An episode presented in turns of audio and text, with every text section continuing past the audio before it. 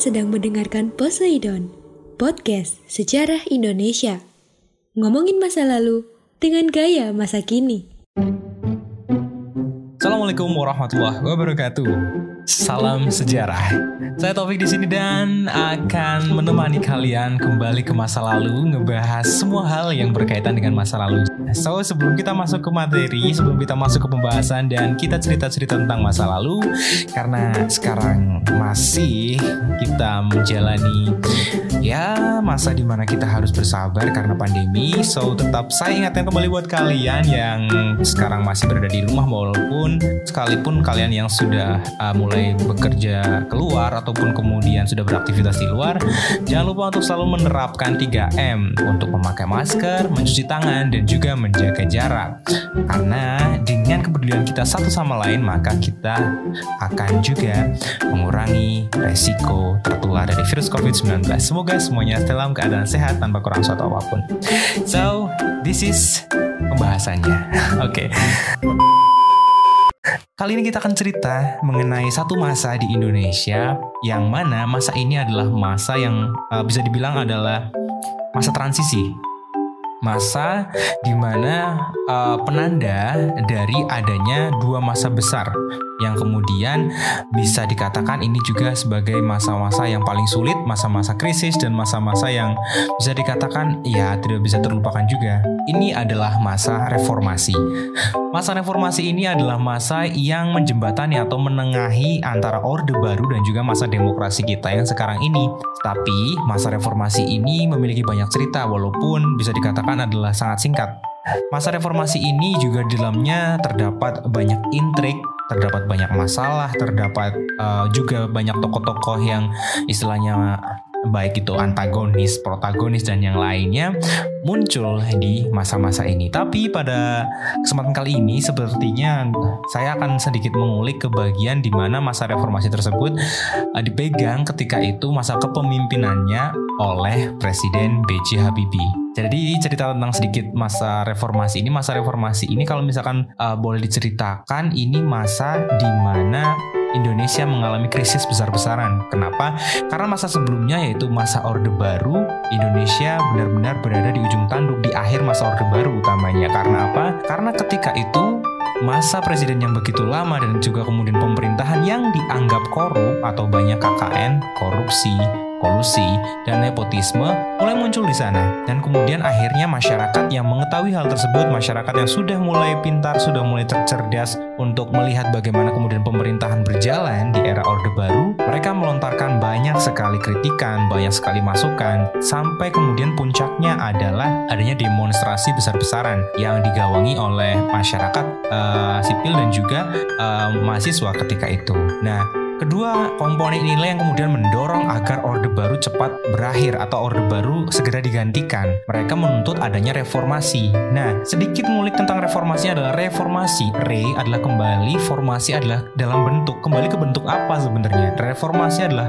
kembalinya ke dalam bentuk yang semula. Bahwa menurut pandangan mereka masyarakat sipil ketika itu dan juga para mahasiswa uh, marwah dari undang-undang terus kemudian Pancasila itu banyak dipelintir ketika itu. Terus terutama di undang-undang ya karena memang uh, tuntutan banyak yang dikeluarkan adalah mengenai HAM atau hak asasi manusia dan kemudian adanya demokrasi untuk mengeluarkan pendapat berbicara berserikat berkumpul dan yang lainnya. Terus kemudian ada lagi uh, yang memperparah keadaan ketika itu adalah sudah pemerintahannya korup ketika itu sudah mulai akhir-akhir itu korup ditambah lagi ketika itu di wilayah Asia hampir sebagian besar wilayah uh, negara ketika itu adalah mengalami krisis yang mana Indonesia juga terkena hantaman atau pukulan tentang krisis moneter. Nilai rupiah jatuh dan akhirnya kemudian terjadi chaos ketika itu. Nah, pada akhirnya ketika itu Presiden Soeharto memiliki beberapa kebijakan, beberapa paket-paket program yang juga harus dilaksanakan ketika itu tetapi tidak bisa uh, menangani masalah tersebut karena memang sudah besar, udah rumit seperti itu jadi uh, memang tidak bisa diselesaikan cepat modelnya seperti itu karena itu uh, kalau bisa dikatakan adalah akumulasi rasa ketidakpercayaan, akumulasi rasa sakit mungkin dari masyarakat dan mahasiswa dan yang lainnya. Puncaknya adalah ketika masa melontarkan masukannya, memberikan masukannya lewat demonstrasi tersebut, ketika itu terjadi rusuh dan kemudian ada beberapa mahasiswa yang tewas ketika itu. Nah, itulah kemudian menyulut emosi tinggi mahasiswa dan juga masyarakat ketika itu akhirnya mereka kemudian dengan kekuatan penuh dengan kekuatan yang banyak banget ketika itu adalah masuk sampai ke gedung DPR MPR menuntut agar Presiden Soeharto untuk turun. Nah, akhirnya singkat cerita Presiden Soeharto ini turun akhirnya di di bulan Mei, di bulan Mei 98 ini kemudian akhirnya turun jabatan dan digantikan oleh pemimpin yang lainnya yaitu pemimpinnya adalah Insinyur Habibie atau B.J. Habibie. Kita masuk ke B.J. Habibie. Cerita tentang masa lalunya udah ya. Dan kalau misalkan kalian mau ngedengerin masalah Orde Baru dan juga masa transisinya, silahkan dengerin di podcast lab sebelumnya. Nah, kita masuk ke bagian ini. Bagaimana kemudian Presiden Habibie memegang tampuk kekuasaan yang ditinggalkan oleh Pak Harto sekedar untuk uh, benang merah di awal, intinya kayak gini. Presiden Habibie ini adalah presiden dengan masa jabatan yang paling singkat, tetapi dia memegang istilahnya bola panas, bola yang sangat panas bener-bener yang diberikan estafet tongkat estafetnya tersebut, bola estafetnya tersebut diberikan dari Presiden Soeharto yang mana Indonesia ketika itu berada di ujung tanduk, ibarat kayak gunung dia udah siap meletus dan diberikan kepada Pak Habibie ketika itu yang mana dia hanya diposisikan sebagai pengganti dari presiden. Yang kita tahu bahwa dia hanya menjabat 512 hari, tetapi hebatnya dengan 512 hari tersebut dia mampu meletakkan dasar-dasar demokrasi di Indonesia, bisa dikatakan seperti itu. Mari kita lihat sebenarnya program-program apa saja yang dicanangkan ketika itu oleh Presiden Habibie. Pak Presiden Habibie atau Presiden ketika Republik Indonesia ini hanya menjabat ketika itu praktis 1,5 tahun, berarti satu tahun lima bulan lebih sedikit. Namun meskipun sebentar kepemimpinan dari Pak Habibie ini bisa dibilang nah, sungguh sangat-sangat kayak Superman gitu ya, langsung merubah berombak berbagai macam hal yang kemudian oleh Orde Baru yang bisa dikatakan morat marit, bisa dikatakan yang udah kolaps banget modelnya seperti itu. Uh, ada beberapa upaya-upaya yang dilakukan langsung ketika itu oleh Pak Habibie bahwa kemudian poin utamanya adalah ketika itu pertama kali setelah menggantikan Presiden Soeharto dia berbicara langsung di depan muka media massa ketika itu dia juga direkam di TVRI dan juga RRI dia langsung berbicara bahwa uh, dan berkomitmen bahwa dia akan benar-benar mendorong agar reformasi ini juga tercipta. Bukannya dia uh, ya dia pro dengan reformasi tapi bukannya dia pro pro benar-benar dengan reformasi. Tapi dia juga percaya bagaimana kemudian agar perekonomian ini bangkit lagi agar Indonesia ini baik lagi adalah dengan cara ya sudah kita kembali ke marwah demokrasi bagaimana kemudian kekuatan terbesarnya memang dari rakyat. Apa yang dimau rakyat? Ya udah itu yang harus dilakukan modelnya seperti itu. Jadi ada tiga hal yang kemudian menjadi uh, motor reformasi ala Habibie ketika itu. Adalah yang pertama adalah penegakan HAM yang kedua ada politik ada di bidang politik dan di dalamnya adalah isinya tentang demokrasi dan yang lainnya. Serta yang terakhir adalah perekonomian jelas sekali. Ketiga hal inilah yang kemudian didorong agar munculnya sebuah reformasi baru dalam pemerintahan modelnya seperti itu. Di sini ada upaya-upaya yang dilakukan oleh uh, Presiden Habibie ketika itu. Upaya yang pertama adalah mengganti lima paket undang-undang dan tiga di antaranya diubah agar lebih demokratis. Yang kedua adalah kebebasan rakyat dalam menyalurkan aspirasi.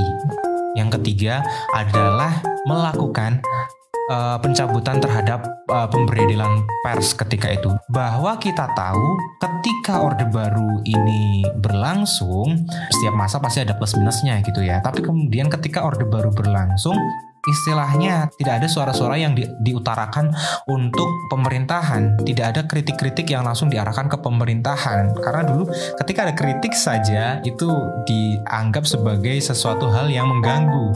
Maka kemudian eh, pers pun demikian.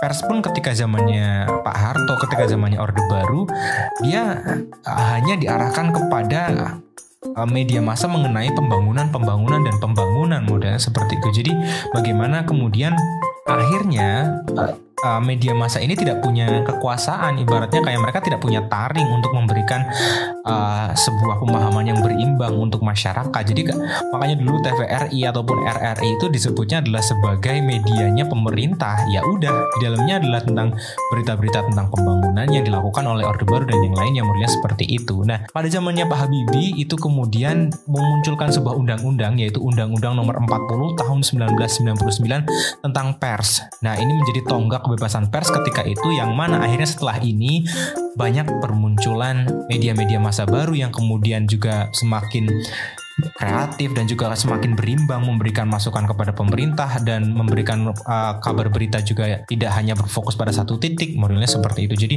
lebih luas lah modelnya seperti itu. Nah yang selanjutnya atau yang keempat itu adalah jejak pendapat wilayah Timur Timur. Nah jejak pendapat mengenai wilayah Timur Timur ini akan kita bahas di part kedua. Kita lanjut dulu. Yang selanjutnya adalah di sini memberikan abolisi. Abolisi ini apa? Abolisi ini adalah hak kepala negara untuk menghapuskan hak tuntutan pidana ketika itu. Kepada 18 tahanan dan narapidana politik.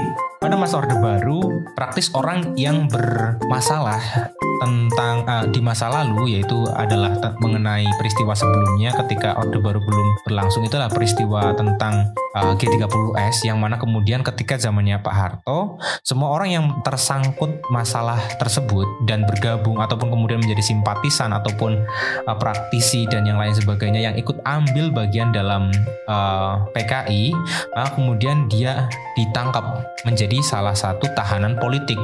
Nah, tahanan politik ini bisa dikatakan kasihan karena dia hanya ditahan tanpa diadili dan tidak tahu kapan kemudian mereka akan diadili melihat seperti itu. Nah akhirnya kemudian pada masa pemerintahan Pak Habibie ini dari 18 tahanan dari narapidana politik atau tahanan politik ini kemudian dibebaskan dan mereka mendapatkan kesetaraan HAM yang seperti itu. Yang selanjutnya adalah pengurangan jumlah anggota ABRI di MPR dari 75 orang menjadi 38 orang.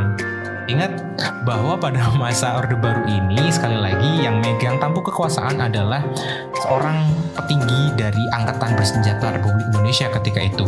Pak Harto ini adalah pentolan ketika itu uh, pentolan dari ABRI ini yang kemudian mau tidak mau di bawahnya atau di parlemennya ini pada akhirnya sebagian besar prosentasenya dihuni juga oleh orang-orang dari ABRI. Makanya kemudian kenapa disebut dengan dui fungsi ABRI.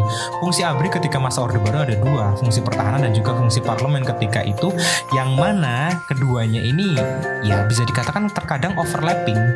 Tapi kemudian ya udah mereka punya dua peran tersebut.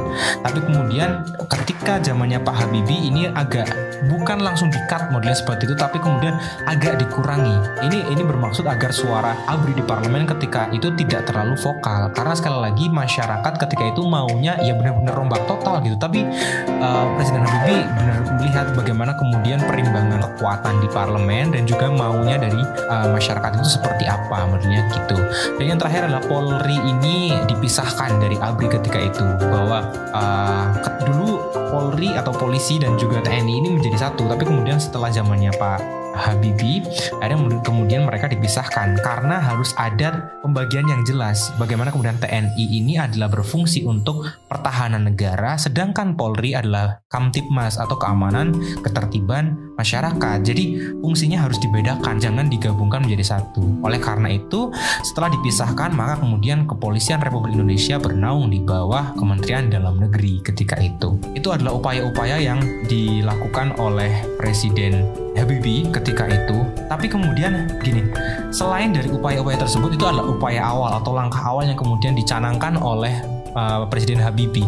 Tapi sekali lagi bahwa ada hal yang harus dikerjakan juga selain dari bidang uh, HAM tadi. Uh, kalau, kalau tadi kan HAM dan juga demokrasinya tadi dibenahi, di sini juga ada kebijakan mengenai politik dan juga ekonomi. Kalau tadi bidang uh, demokrasi dan politik sekarang ada di, bija, uh, di bidang ekonominya. Lantas kemudian apa saja sih paket kebijakan yang kemudian dimunculkan oleh Presiden Habibie ini dalam urusan ekonomi? Yang pertama ini adalah merekapitulasi perbankan dan menurunkan inflasi. Jadi semua bank-bank yang ada di Indonesia ketika itu adalah jadi gini. Permasalahannya adalah ketika masa Orde Baru. Sekali lagi uh, bank ini banyak muncul dan karena apa? Karena banyak proyek-proyek yang juga kadang muncul tapi kemudian tidak diselesaikan. Banyak yang seperti itu. Karena sekali lagi ini menurut data dari ICW dan kemudian dari beberapa sumber mengatakan bahwa pada masa Orde Baru ini banyak terjadi korupsi, kolusi dan juga nepotisme itu tadi. Jadi kemudian ya inilah sebabnya munculnya uh, permasalahan di keuangan dan juga perputaran rupiah di dalam negeri itu juga menjadi sebuah hal yang harus dihindari.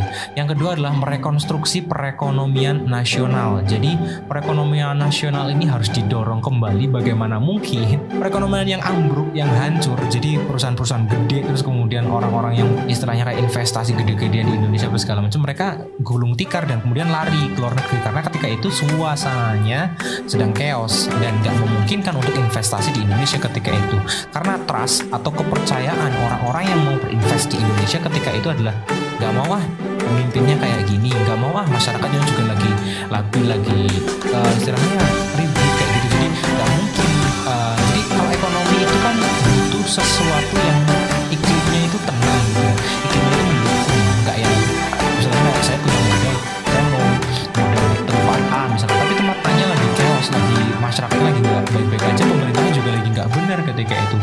பிரச்சாரம் mungkin saya istilahnya mau investasi di situ. Nah yang dilakukan oleh Presiden Habibie ketika itu adalah membangun kembali trust atau kepercayaan para investor-investor untuk duduk kembali di Indonesia. Dengan caranya adalah ya tadi benar-benar merombak. Bagaimana kemudian menggelontorkan paket-paket ekonomi yang dan juga mendorong istilahnya usaha-usaha di dalam negeri usaha-usaha menengah dan mikro dan yang lainnya itu kemudian didorong untuk menjadi besar kembali. Karena menurut B.J. Habibie ini usaha menengah dan kemudian kecil ini adalah usaha yang tidak kena dampak terlalu besar modelnya seperti itu. Jadi kayak uh, usaha-usaha kecil menengah seperti itu tidak terlalu dampak terlalu besar karena adanya krisis moneter yang terjadi di Indonesia ketika itu. Dan yang selanjutnya adalah melikuidasi bank-bank bermasalah. Jadi melikuidasi ini adalah istilahnya kayak melikuidasi itu kayak membubarkan jadi bank tuh banyak banget. Ada yang dibubarkan terus kemudian ada yang di merger menjadi satu. Modelnya seperti itu. Nah ini kemudian melalui pemantapan ketahanan ekonomi dan juga keuangan yang dibentuknya B.J. Habibie ini membuat sebuah keputusan ada merger atau penggabungan empat bank yang dilaksanakan sekaligus. Habibie ini mencetuskan nama ketika itu tapi sebelumnya merger empat bank ini sudah akan dilaksanakan oleh Pak Harto pada tahun 1997 tapi gagal. Nah ini juga akhirnya dilanjutkan oleh Pak Habibie ketika itu memerger empat bank tersebut yang tadinya uh, namanya Bank Catur yang juga dicanangkan oleh Pak Harto tapi kemudian sama Pak Habibie digantikan menjadi nama Bank Mandiri ketika itu. Jadi merger empat bank dijadikan satu. Yang selanjutnya adalah membentuk Badan Penyihatan Perbankan Nasional. Ini juga sama. Bagaimana ketika uh, pada zamannya Pak B.J. Habibie BI atau Bank Indonesia menjadi salah satu bank yang harus independen tidak mempunyai ketergantungan independen berdiri sendiri dan juga harus mementingkan masyarakat dalam negeri terlebih dahulu